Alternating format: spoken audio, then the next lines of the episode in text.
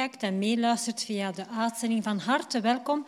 En ook u in de zaal en alle bezoekers heet ik van harte welkom. Fijn dat jullie er zijn. En ook graag wil ik Nadine van Parijs verwelkomen. Zij is lid van de gemeente van Bruggen en zij zal vandaag de overdenking verzorgen. En langs deze weg willen we onze kerkfamilie van Brugge de hartelijke groeten laten overbrengen. Zo, dan heb ik enkele aankondigingen voor jullie. Sinds gisteren is de zomervakantie gestart en zijn onze kinderen ook op zomerkamp vertrokken en dit op met 10 juli. En langs deze weg willen hen ook een heel fijn kamp toewensen. En zoals we vorige sabbat reeds hebben aangekondigd, zijn we nog steeds op zoek naar vrijwilligers die mee dit kerkgebouw willen onderhouden. Want zoals u weet, vele handen maken werk licht. En we schieten toch nog wel wat eh, handen tekort.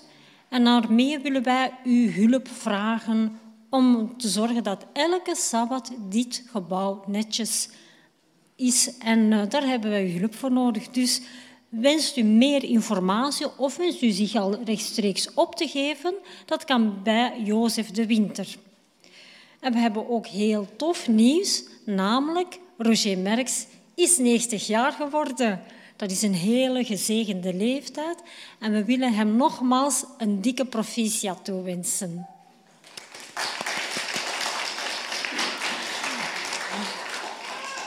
Hij heeft namens de kerkfamilie een heerlijk fruitmaand in ontvangst mogen nemen en daar kan hij lekker van smullen. Zo, dan wens ik jullie allen een hele fijne, gezegende Sabbat en wil ik jullie voorlezen uit een psalm, namelijk Bescherm mij, God, bij u ben ik veilig. Ik zei tegen u, u bent mijn God. Niemand gaat u te boven. Ik bewijs eer aan mijn Heer, want Hij heeft mij goede raad gegeven. Zelfs nachts zijn mijn gedachten bij Hem. Ik houd altijd de Heer voor ogen. Hij is aan mijn zijde. Mij zal niets overkomen en daarom verheug ik en juich ik. Ik voel me helemaal veilig. U ben ik toegedaan. U levert mij niet aan het dodenrijk en u houdt mij weg van het graf. U wijst mij de weg naar het leven en in uw nabijheid ben ik blij en ben ik gelukkig voor altijd. Ik nodig u uit om recht te staan, zodat we samen het stil kunnen maken voor het gebed.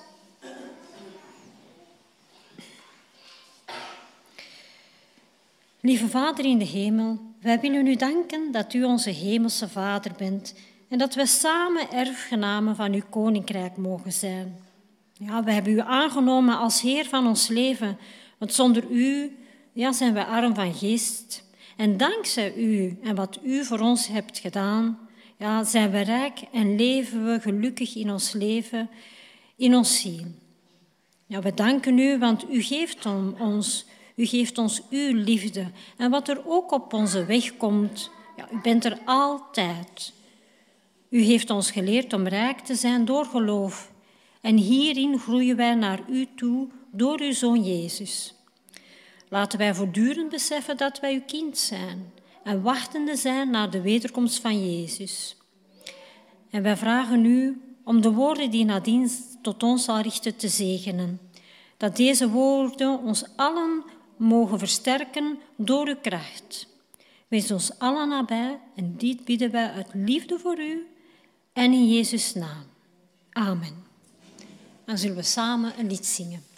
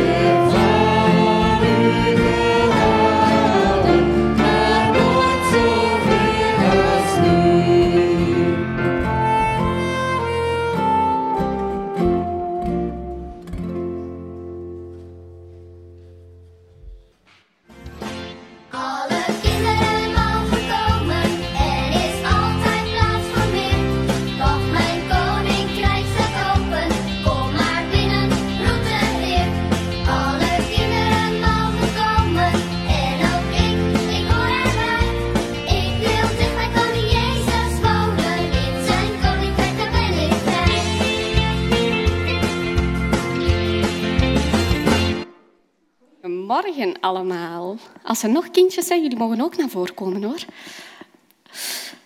Oké, ik heb een vraagje voor jullie. Wie van jullie is er ooit al eens heel hard op de grond gevallen omdat iemand jullie bijvoorbeeld geduwd had? Ja, ik ook. Ja. En deed dat toen erg veel pijn toen jullie gevallen waren? Ja. Bij jou niet? Nee? Zeg, en als jullie gevallen waren, moesten jullie dan lang wachten tot er iemand jou kwam helpen? Is dat al eens gebeurd? Ja? Dat is ook niet zo leuk, hè? Nee, ja. Jezus vertelde ooit ook een verhaal daarover. Want hij vertelde veel verhaaltjes aan de leerlingen en aan de mensen die bij hem waren om over hem te leren. En op een dag zat er een man bij hem die heel veel over de Torah weet. En de Torah, dat zijn de wetten die God aan Mozes heeft gegeven. En hij vertelt er de andere mensen over en nu wil hij iets aan Jezus vragen. En hij vraagt aan Jezus, en hij gaat recht staan, zodat iedereen hem goed kan horen. En hij vraagt, meester, wat moet ik doen om voor altijd bij Gods wereld te horen? waarom vraagt hij dat nu? Dat is toch een gemakkelijke vraag. Zou die leraar dat dan echt niet weten? Hij weet wel wat dat het antwoord is, maar hij wil dat alle andere mensen het ook horen. En Jezus die geeft geen antwoord, maar hij stelt een vraag aan de leraar. En hij zegt, wat staat er in de Torah? De leraar weet dat wel. En hij antwoordt heel luid, hou van God met heel je hart, met heel je ziel, met je hele verstand en met al je kracht. En hou van iedereen, van alle mensen zoals jezelf. Jezus kijkt tevreden en zegt, ja, dat is het goede antwoord. En als je dat doet, dan zul je voor altijd bij Gods nieuwe wereld horen. De leraar van de Torah kijkt eens om zich heen. Oh, wie is dan mijn medemens? denkt hij. Hij moet thuis al zorgen voor zijn oude mama en papa. En soms moet hij de buurman helpen. En hier zitten zoveel mensen. Moet hij dan echt van al die mensen houden? De leraar vraagt aan Jezus, wie is eigenlijk mijn medemens? En antwoordt Jezus op die vraag? Nee, dat doet hij niet. In plaats daarvan vertelt hij een verhaal aan de meneer en aan de andere leerlingen en de mensen die bij hem zaten. En Jezus vertelt, er was op een dag een man die heel ver moest reizen, wel 30 kilometer ver. En hij gaat van de hoofdstad Jeruzalem helemaal naar de stad Jericho, dicht bij de rivier de Jordaan. En al vroeg is hij op weg gegaan. Eerst is het pad heel mooi en groeien er bomen en planten langs de weg. Maar na een paar kilometer wordt het pad heel erg droog en langs hele hoge rotsblokken. En overal op het pad liggen er, hele, liggen er heel veel stenen. En opeens schrikt de man, want daar komen hele vreemde mannen achter hem aan. Wat willen die mannen van hem? Je geld of je leven, roepen ze. En snel geeft de man al zijn geld aan de rovers. Maar dat vinden ze niet genoeg. Ze slaan en ze schoppen hem en ze pakken al zijn sandalen, zijn mooie mantel en zijn hoofddoek van hem af. En nu heeft die man niks meer. Met het gestolen geld en de gestolen spullen gaan de rovers er heel snel vandoor. En ze laten de man half dood, kijk, op de weg liggen.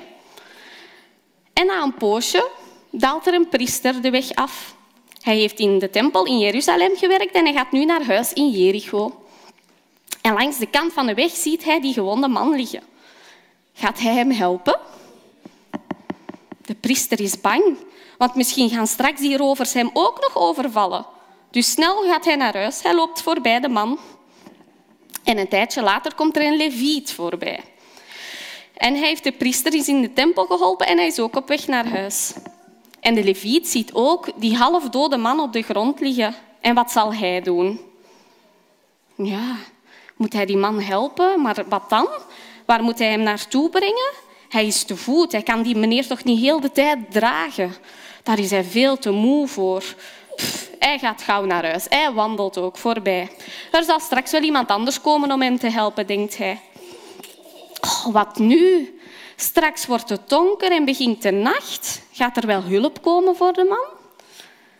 En na een tijdje komt er een andere reiziger langs. Het is een Samaritaanse man. Samaritanen en Joden kunnen eigenlijk niet zo goed met elkaar opschieten. En de Samaritaanse man heeft vanuit zijn land een hele lange reis gemaakt tot in Jeruzalem. En nu is hij op die steile pad op weg naar Jericho. En als hij de gewonde man ziet liggen, stapt hij van zijn ezel af en gaat hij kijken op de grond. En hij krijgt medelijden met de meneer. Hij knielt naast hem neer en hij hoort auw, auw. Ik zal je helpen, zegt de Samaritaanse man. Hij pakt een beetje wijn uit zijn tas en hij maakt de wondjes schoon met het, met het wijn. En hij neemt olie en die doet hij ook op de wonden. En zo heeft de man minder pijn. En als de Samaritaanse man daarmee klaar is, doet hij een verbandje rond zijn wonden en de arme man is al veel blijer. De Samaritaanse man tilt hem op en hij legt hem mee op zijn ezel en hij brengt hem naar een herberg. En in de herberg blijft de Samaritaanse man voor de man zorgen. Hij bestelt eten voor hen allebei en aan de herbergier, de eigenaar van de herberg, vraagt hij een plaats om te kunnen slapen. En s ochtends moet de Samaritaanse man wel verder reizen. Dus hij spreekt met die herbergier af. Wil jij goed voor deze man zorgen? Hier, hier is een beetje geld. En als het niet genoeg is, dan breng ik je later nog meer geld als ik terugkom. Jezus is klaar met zijn verhaal. De leraar, de leerlingen en de mensen die bij hem zaten hebben goed geluisterd. Wat denk je? vraagt Jezus. Wie is in dit verhaal de medemens van die gewonde man? Is dat die priester, de leviet of de Samaritaan? Hmm, de man die voor de, de man die voor de gewonde man heeft gezorgd, antwoordt de leraar. Dat heb je goed geantwoord, zegt Jezus. Ga nu maar naar huis en doe voortaan ook net zoals de Samaritaanse man heeft gedaan. Dus gaan jullie de volgende keer ook iemand helpen als je ziet dat hij pijn heeft en op de grond ligt? Ja? Dat is heel flink van jullie. Oké, dat was het verhaaltje. Dan mogen jullie naar boven gaan, want er is een knutselwerkje om samen te maken. Goed? Ja, ik kom mee.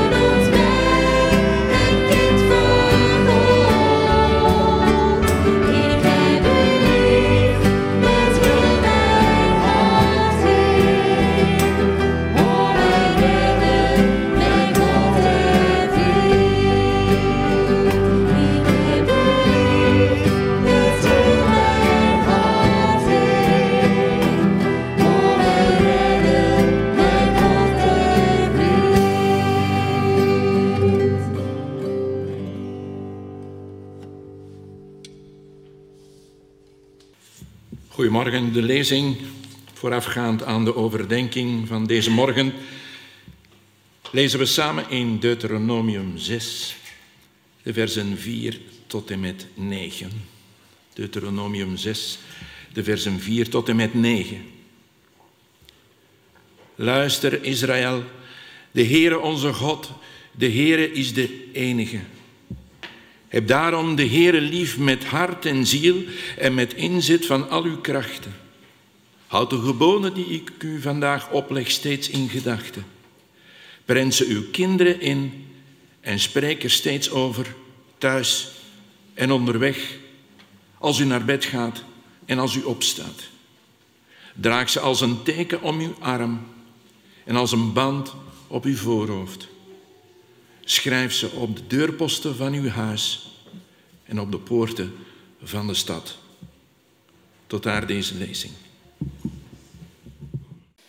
Goedemorgen. Goedemorgen, beste mensen, hier in de kerk of thuis. Een gezegende sabbat. Het is voor mij de eerste keer dat ik hier bij u in Antwerpen te gast mag zijn.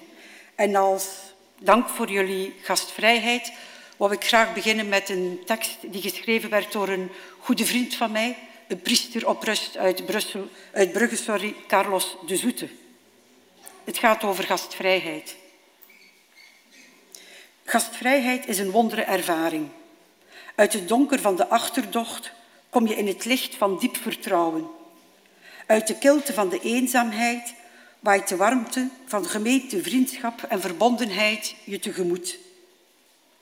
Met je mantel mag je ook je masker afleggen, dat je broze kwetsbaarheid verbergt. Zo klein en hulpbehoevend als je bent, zo mag je zijn. Je mag je nestelen in zetels van respect. Je zit aan aan tafels van toenadering. Je hebt een nieuwe thuis gevonden bij vreemde mensen. En die is je gratis gegeven. Gastvrijheid is de vingeroefening in het klein voor wat de wereld worden moet in het groot. Een thuis voor iedere mens.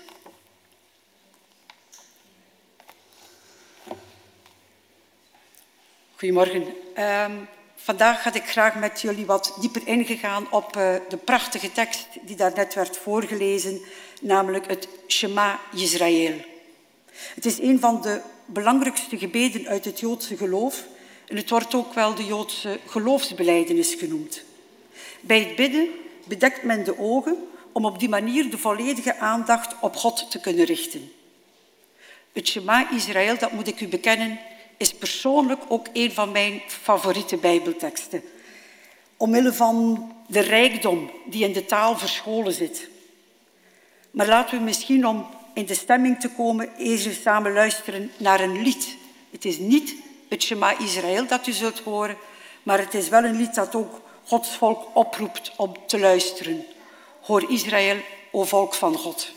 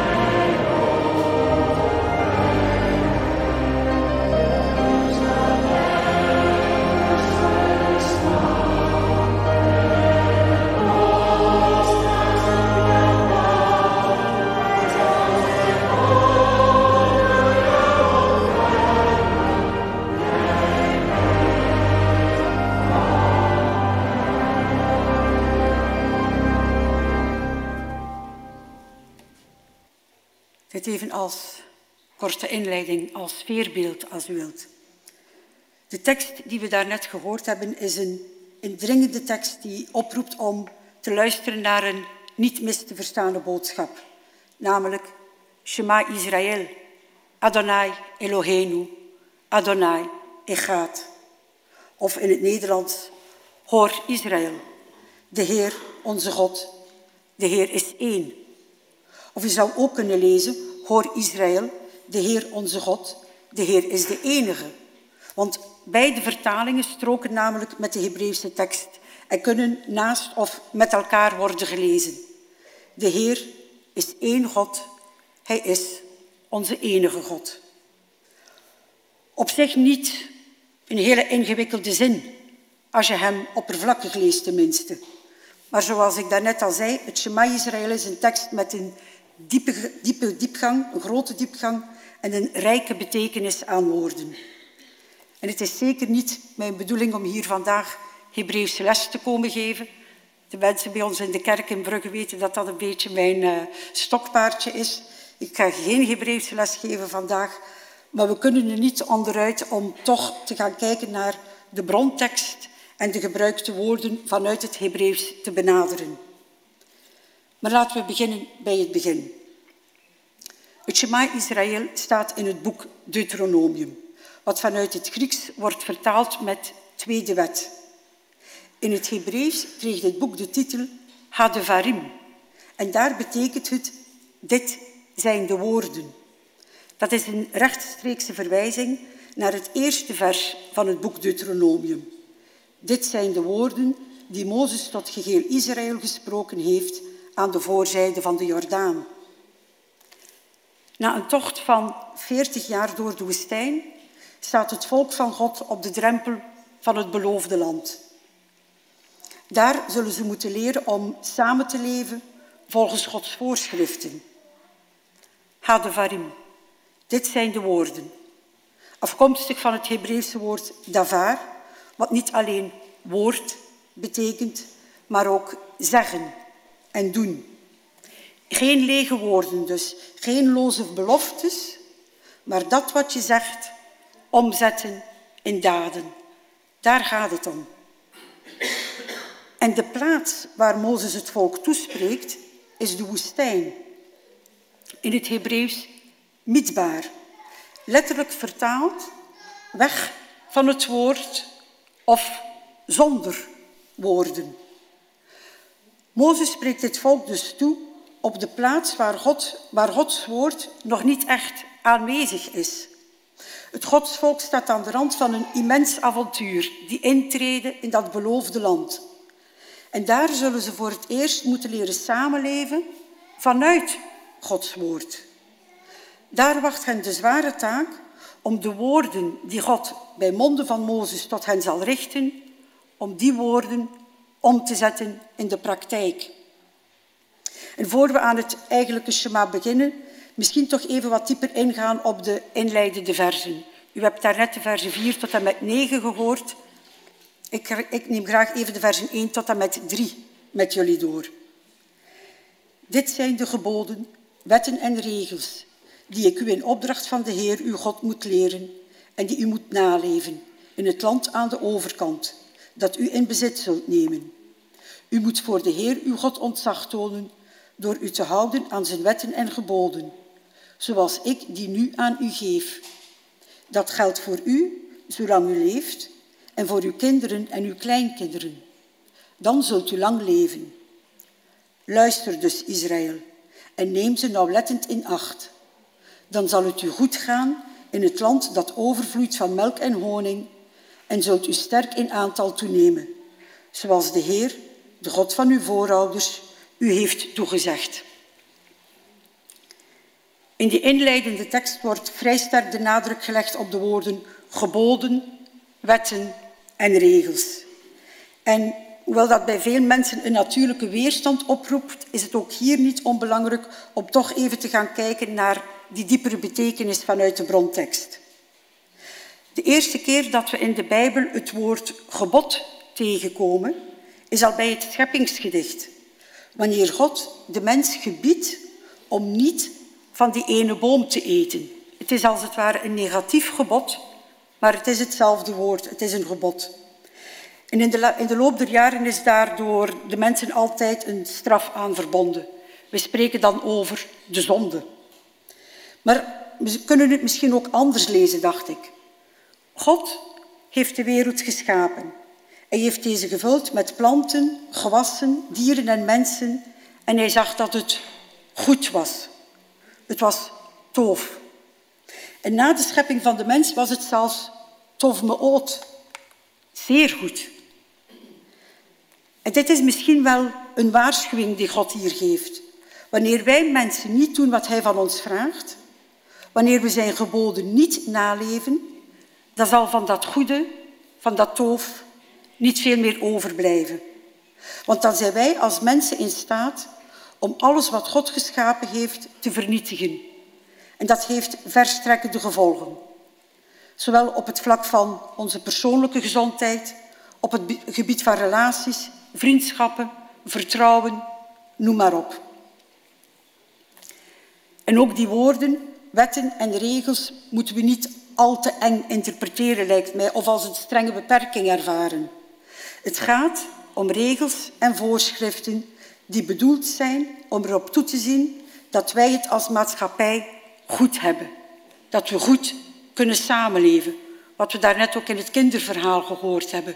Hoe kunnen we als mensen goed samenleven en goed voor elkaar zorgen? Daar gaat het om. En dat we zorg dragen voor elkaar, dat we het goed hebben, daar is, dat is eigenlijk de essentie van die tekst, denk ik. In die inleidende tekst vind ik nog een interessant detail om te gaan bekijken, is het gebruik van het woordje ik. De geboden, wetten en regels die ik u in opdracht van de Heer, uw God, moet leren. Daar zo staat het. Die ik-persoon is hier natuurlijk Mozes die aan het woord is. Maar de woorden, de opdracht die hij spreekt, die komen van een andere ik, namelijk van God. Even terug naar het Hebreeuws. Het Hebreeuws kent twee verschillende schrijfwijzen voor het woordje ik, namelijk ani en anochi. Ze betekenen allebei ik. Je kunt ze niet anders vertalen. Het verschil tussen beide woorden zit hem in de toevoeging van die letter kaf. Ani, anochi, de letter kaf is toegevoegd. En het symbool voor de letter kaf in het Hebreeuws is een handpalm. Dit is de letter kaf, een handpalm. En de rabbijnen leggen het uit als volgt. Wanneer God de mensen een moeilijke opdracht geeft, dan wordt meestal het woord anochi gebruikt en niet ani. Ik, de Heer uw God, luidt dan Anochi Adonai Eloheicha. En wanneer de Joden dergelijke opdracht hoorden of lazen, dan wisten ze dat het woord dat gebruikt werd, dat met die letter kaf was, met die handpalm. En God geeft in wat volgt niet enkel een opdracht mee, hij reikt ons ook de hand als het ware. Het is alsof hij zegt van kijk, dit is wat ik van jou vraag. En het zal misschien niet makkelijk zijn om het uit te voeren, maar je moet het niet alleen doen. Ik reik jou de hand, ik ga met je mee, ik zal jou begeleiden. Ik weet niet hoe jullie daarop reageren, maar zelf vind ik dat een geruststellende gedachte, een troostende gedachte. God die tegen ons, tegen u en tegen mij zegt, je staat er niet alleen voor. Hier is mijn hand. Ik ga met jou mee. En ik ga bekennen, zeker wanneer het met mijn gezondheid weer eens de verkeerde kant op gaat, dan is dat voor mij een troostende gedachte, die mij vooral s'nachts tot rust kan brengen. Wanneer ik in mijn bed lig te woelen, dan herhaal ik die woorden als een soort gebed voor mij. Ik, de Heer uw God, ik reik jou de hand. Terug naar die inleidende tekst. Die geboden, wetten en regels moesten geleerd worden. Ook hier weer in het Hebreeuws het werkwoord lamaat komt van de letter lamet, die een herderstaf symboliseert. We hadden het er daarnet in de sabbatschool al even over, over die staf van die herder. Een lange stok met aan één kant een krul. En herders gebruikten die krul wanneer een dier vastzat of verdwaald geraakte. Zo konden ze het makkelijk terughalen. Wanneer een dier bijvoorbeeld vastzat in een doornenstruik, dan kon de herder dat dier met die krul van zijn staf als het ware weer bij de kudde halen. Een sterk symbool vind ik dat. Want leren, want daar gaat het over, leren gaat voor een stuk gepaard met vrijheid. Je mag even op pad gaan om te proeven van wat er zich rondom jou bevindt. Maar wanneer onze herder ziet dat het dreigt fout te lopen, dan kan hij jou met zijn staf, met zijn manier van leren, terughalen en jou weer op de juiste weg brengen. En ook die letter, lamet, waarmee het woord lamaat begint, is een bijzondere letter. In het Hebreeuwse alfabet is dat namelijk de enige letter die boven de schrijflijn uitsteekt. De Hebreeuwse letters die hangen als het ware allemaal langs de bovenkant aan het draadje. Wij schrijven op een onderlijn. Het Hebreeuws trekt eigenlijk een bovenlijn. En die lamet is de enige letter die daar bovenuit steekt. En misschien zit ook hier wel een les in verborgen, dacht ik. Om iets te kunnen leren, moeten we soms bereid zijn om onze nek uit te steken. Om net iets verder te durven kijken. Maar telkens weer met de geruststelling dat de herder en zijn herderstaf niet veraf zijn. Leren dus. De geboden wetten en regels moesten geleerd worden. En dat kan het volk van Israël, en met uitbreiding wij dus ook, dat kunnen wij doen door te luisteren, door te horen. Van het Hebreeuwse werkwoord shama, wat niet alleen horen of luisteren betekent, maar ook doen en gehoorzamen. Net zoals bij Davar. Niet alleen zeggen, maar ook doen, is het hier niet alleen luisteren, maar ook doen. Handelen naar dat wat je gehoord hebt. Ik weet niet hoe jullie dat ervaren, maar zelf vind ik het niet altijd zo'n makkelijke opdracht. Goede raad geven aan anderen, dat lukt mij makkelijk. Maar die eigen woorden ook zelf omzetten in de praktijk, dat ligt al wat moeilijker. En ook luisteren naar goede raad die vrienden of familie mij geven, dat lukt me wel. Maar weer die raad omzetten in daden, ik vind het niet altijd eenvoudig. Maar vanuit die brontekst is er echt geen twijfel mogelijk. Dat wat gehoord wordt, moet worden uitgevoerd. Het is geen vrijblijvende uitnodiging die Mozes daar uitspreekt. Het is niet zo van, goh, zouden jullie misschien even willen luisteren naar wat ik te vertellen heb? En als het dan past, misschien dat jullie dan ook nog zouden willen doen wat dat God van jullie vraagt? Nee, de opdracht is duidelijk. Shema Israël, luister, gehoorzaam. Letterlijk verstaald staat er eigenlijk, gij zult luisteren. Dit vraagt een actieve betrokkenheid van ons als mensen. Nu het belang duidelijk is van niet alleen het luisteren, maar ook van het gehoorzamen, laten we samen eens kijken naar waaraan ze dan precies moesten gehoorzamen. Wat is de opdracht die ze krijgen van God? Luister Israël, de Heer onze God, de Heer is de enige. Heb de Heer uw God lief, met heel uw hart, met heel uw ziel en met heel uw kracht. God liefhebben, met heel je hart, met heel je ziel, met heel je kracht.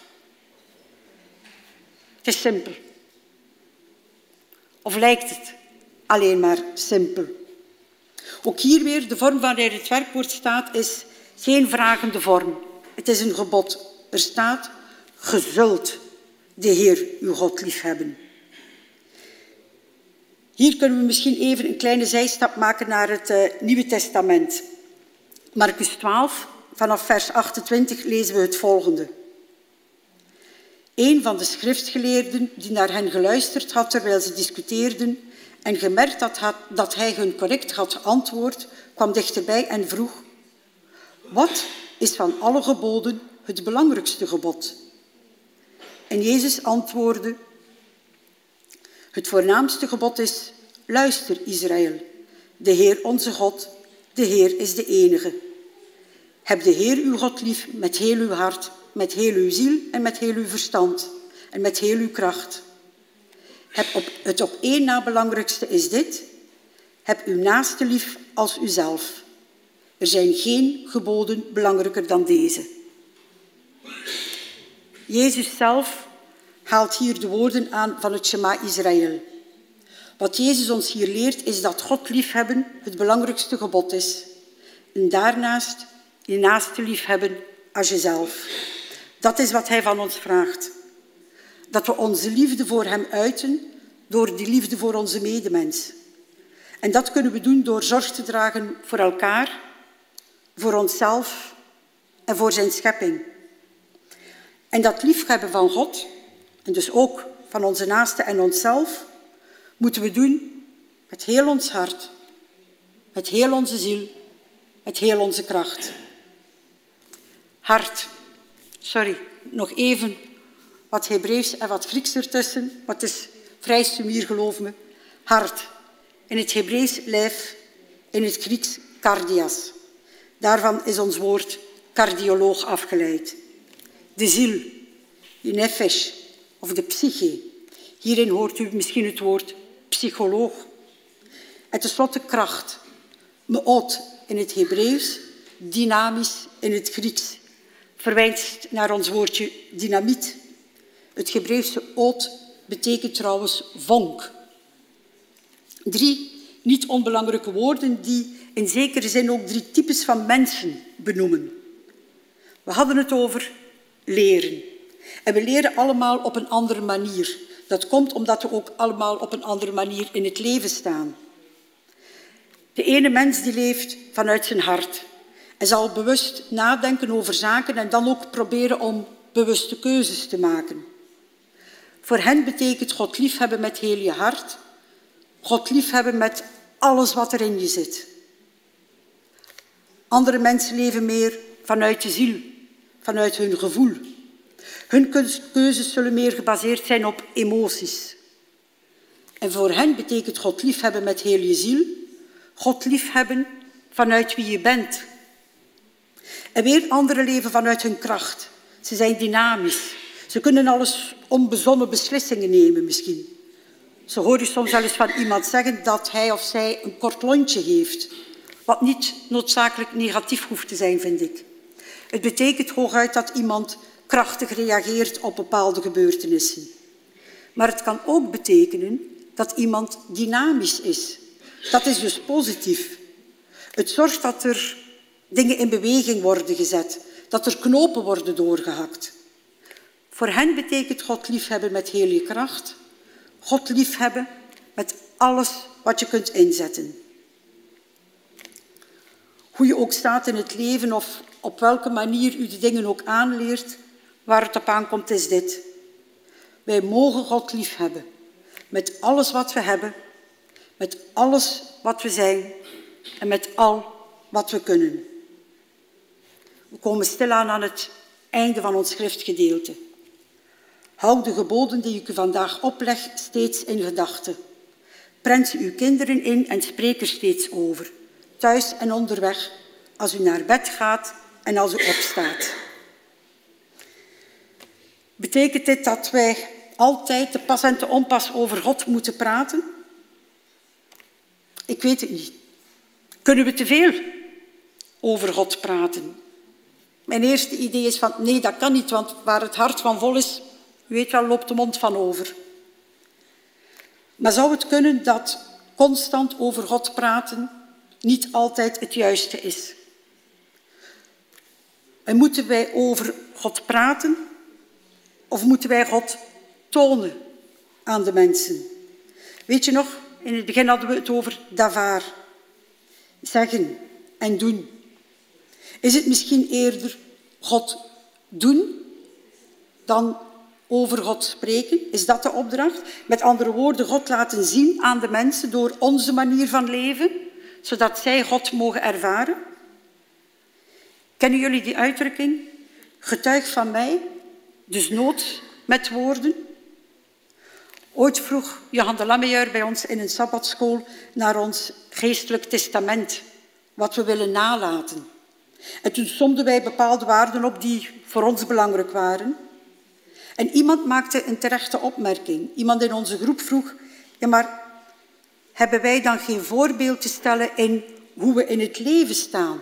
Moet dat geen afspiegeling zijn van ons geestelijk testament? Daden strekken immers veel verder dan woorden. En dat slaat volgens mij ook op die opdracht om het onze kinderen in te prenten. Ook hier weer. We kunnen, en u mag dat doen van mij, met leerstellingen en ellenlange lijstjes van geboden en verboden. Of we kunnen het doen op een praktische manier. Door het hen voor te leven. Door hen te tonen hoe wij het doen. Vanuit Gods geest en vanuit Gods woord. Tot slot nog heel kort iets over die laatste versen. Draag ze als een teken om uw arm en als een band op uw voorhoofd. Schrijf ze op de deurposten van uw huis en op de poorten van de stad. Dat slaat uiteraard op de tefillin die de Joodse mannen en jongens dragen, de gebedsriemen die ze rond hun arm draaien en het doosje dat ze op hun voorhoofd binden. In dat doosje zit trouwens een perkament met de tekst van dat Shema Israël. Dat is de tekst die zij meedragen. En voor mezelf heb ik geprobeerd om daar een moderne uitvoering aan te geven. De halsketting die ik vandaag aan heb, is gemaakt door mijn zus. Elke parel is gemaakt uit de beginbladzijde van een Bijbelboek. Dus hij heeft van een oud Bijbeltje, een Bijbeltje dat ik nog van uh, Gilbert Praat van de Kerk van Gent cadeau heb gekregen, een heel oud versleten Bijbeltje. Hij wist ook dat het de bedoeling was om het te gebruiken. Vanuit elke beginbladzijde van elk Bijbelboek heeft mijn zus een strookje papier gescheurd en daar een parel van gevormd. En die parel vormt mijn ketting. Op deze manier draag ik eigenlijk mijn ganse Bijbel met me mee. En het is mijn ervaring dat dit mij al vaak de kans heeft gegeven om te getuigen wanneer mensen mij aanspreken op mijn ketting en daar vragen over stellen. En mijn ervaring, maar dat is persoonlijk natuurlijk, mijn ervaring is dat ik hiermee meer gehoord vind dan wanneer ik met de Bijbel op hen zal afstappen. Om af te ronden, heel kort. We worden opgeroepen om God lief te hebben met heel ons hart, met heel onze ziel, met heel onze kracht. Mijn wens voor u, maar ook voor mezelf, is dat wij hierdoor ons hart mogen openstellen voor het leven, zodat onze ziel verkwikt wordt en onze kracht mag toenemen. Amen. Tot slot, voor de band gaat spelen, tot slot wil ik jullie nog heel graag laten meegenieten van de mooie woorden van deze bijzondere Bijbeltekst die we vandaag hebben bekeken, het Shema Israël. Het wordt afwisselend gezongen in het Hebreeuws en in het Engels.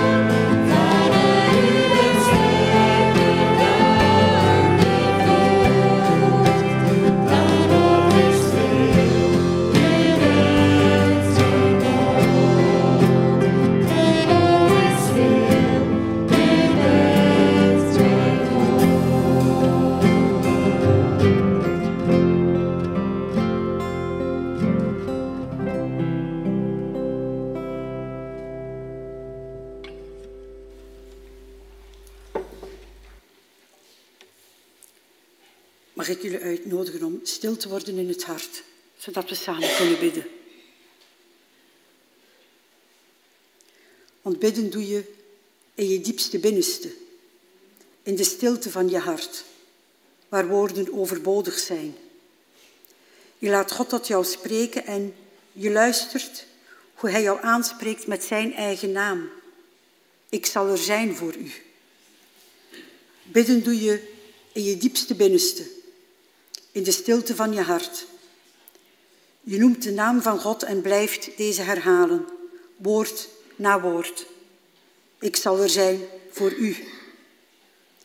Bidden doe je in je diepste binnenste. En wat diep in je leeft, breng je dan zacht naar buiten. Je zegt tot je medemens, ik zal er zijn voor u. Je toont de naam van God in elke ontmoeting, in elk gesprek, in elke bijeenkomst, bij elke beslissing. Telkens weer toon je zijn naam en doe je hem eer aan. Mogen de Heer uw God voor u lopen om u de rechte weg te wijzen. Mogen Hij naast u gaan om in uw vriendschap te delen. Mogen Hij achter u staan om u de rug te dekken. Mogen Hij onder u zijn om u op te vangen wanneer u valt. Mogen Hij in u wonen om u de kracht te geven voor alle dag. Mogen Hij om u heen zijn als een muur van liefde tegen zorg en angst. Mogen Hij boven u zijn om u te beschijnen met zon en u te verlichten met zijn zegen. Mogen de Heer u tot zegen zijn, zodat u op uw beurt een zegen kunt zijn. Amen.